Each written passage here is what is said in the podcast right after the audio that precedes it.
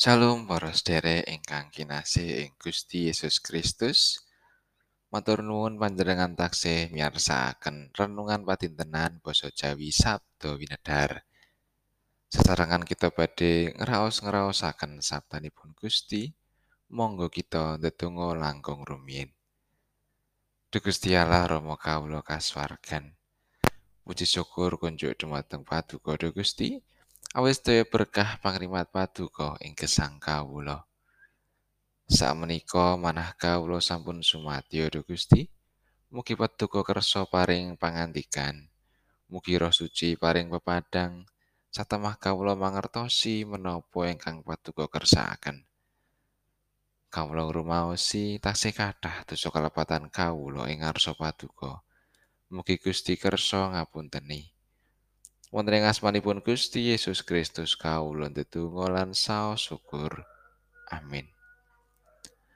Waosan dinten menika kapendhet saking Purwaning dumadi bab 9 ayat 8 ngantos 17. Sabanjure Gusti Allah ngendika marang Ramana lan marang para putrane pisan mangkene. La ingsun damel prasetyan ingsun karo sira lan karo turunira ing sapungkurira.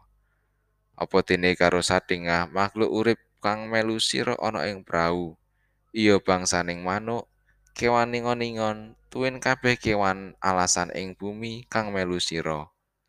Kang wis padha metu saka ing prau, iya sarupane satu kewan ing bumi.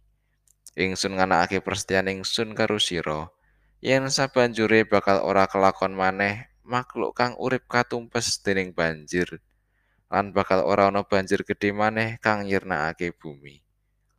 Gusti Allah banjur nyambeti pangandika. Iki pratandane persetya kang sun damel ing antaraning sun lan sira. Tuwin sadengah makhluk kang urip kang melu sira nganti turun tumurun kanggo ing salawase. Kluwung sun sun papanake ana ing mendung. Iku kang minangka tandaning prastaning sun lan bumi. Menawa ing tembe ingsun ngumpulake mendung ana ing sakndure bumi lan kluwung mau banjur katon ana ing mendung. Ing kono ingsun mesti bakal enget marang prastian ingsun kang ana ing antarane ingsun kalawan sira tuwin sadengah makhluk kang urip kang kadunungan nyawa. Temah banyu ora bakal dadi banjir gedhe maneh kang nyirnakake kabeh kang urip. Samangsa kluwung katon ana ing mendung iku bakal sun pirsani satemah ingsun banjur enget ing prasetyan ingsun kang langgeng ing antaraning Allah lan kabeh makhluk kang urip. Kabeh makhluk kang ana ing bumi. Tumuli Gusti Allah ngendika maneh marang Ramana ya iki pratandaning prasetyan ing antaraning ingsun lan sarupane makhluk kang ana ing bumi. Makaten pangandikanipun Gusti ayat na ayat 16 Samangsa ing mendung ana kluwung bakal dak pandeng supaya ngengeti ing perjanjian langgeng antarane Allah karo sadengah nyawa urip kang ana ing bumi.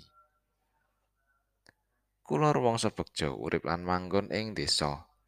Saben-saben sawise udan bisa nemu lan nyawang kluwung. Indah lan warna-warni. Lan ngelingake marang perjanjian Gusti marang Nabi Nuh menawa ora bakal ana banjir patopan maneh kang numpes sarupaning titah. Bungsa kita saben-saben ngadepi bencana alam.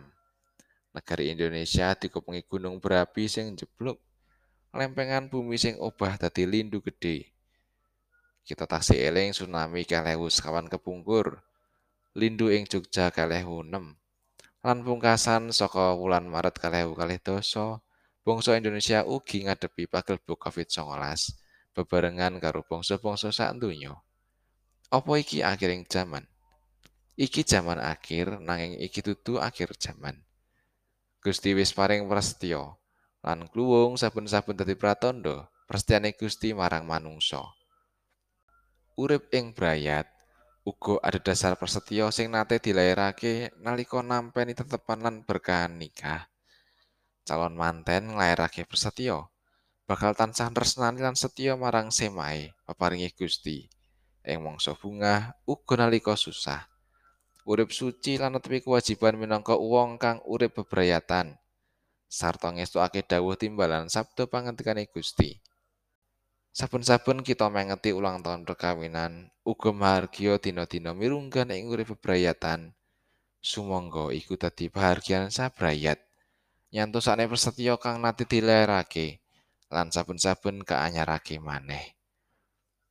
Para putra kang kaparingake ing satengahing brayat iku uga dadi kabungan lan panuwun syukur sabrayat. Aja nganti malah dadi momotan. amarga kudu nyambut gawe nyukupi kabutuhan werna-werna sakulawarga.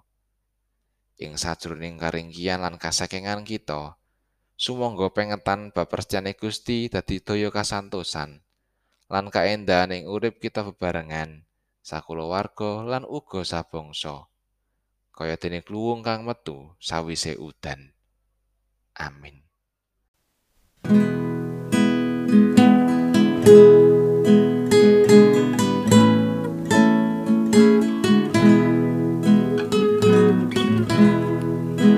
Gusti Yesus pangen kula sestu kung sepatuko ing sapuro kula mlampah patuko kanthi tansah. Kinanti ing Gusti kinanti ing Gusti ing sati takulon rima angger kinanti Gusti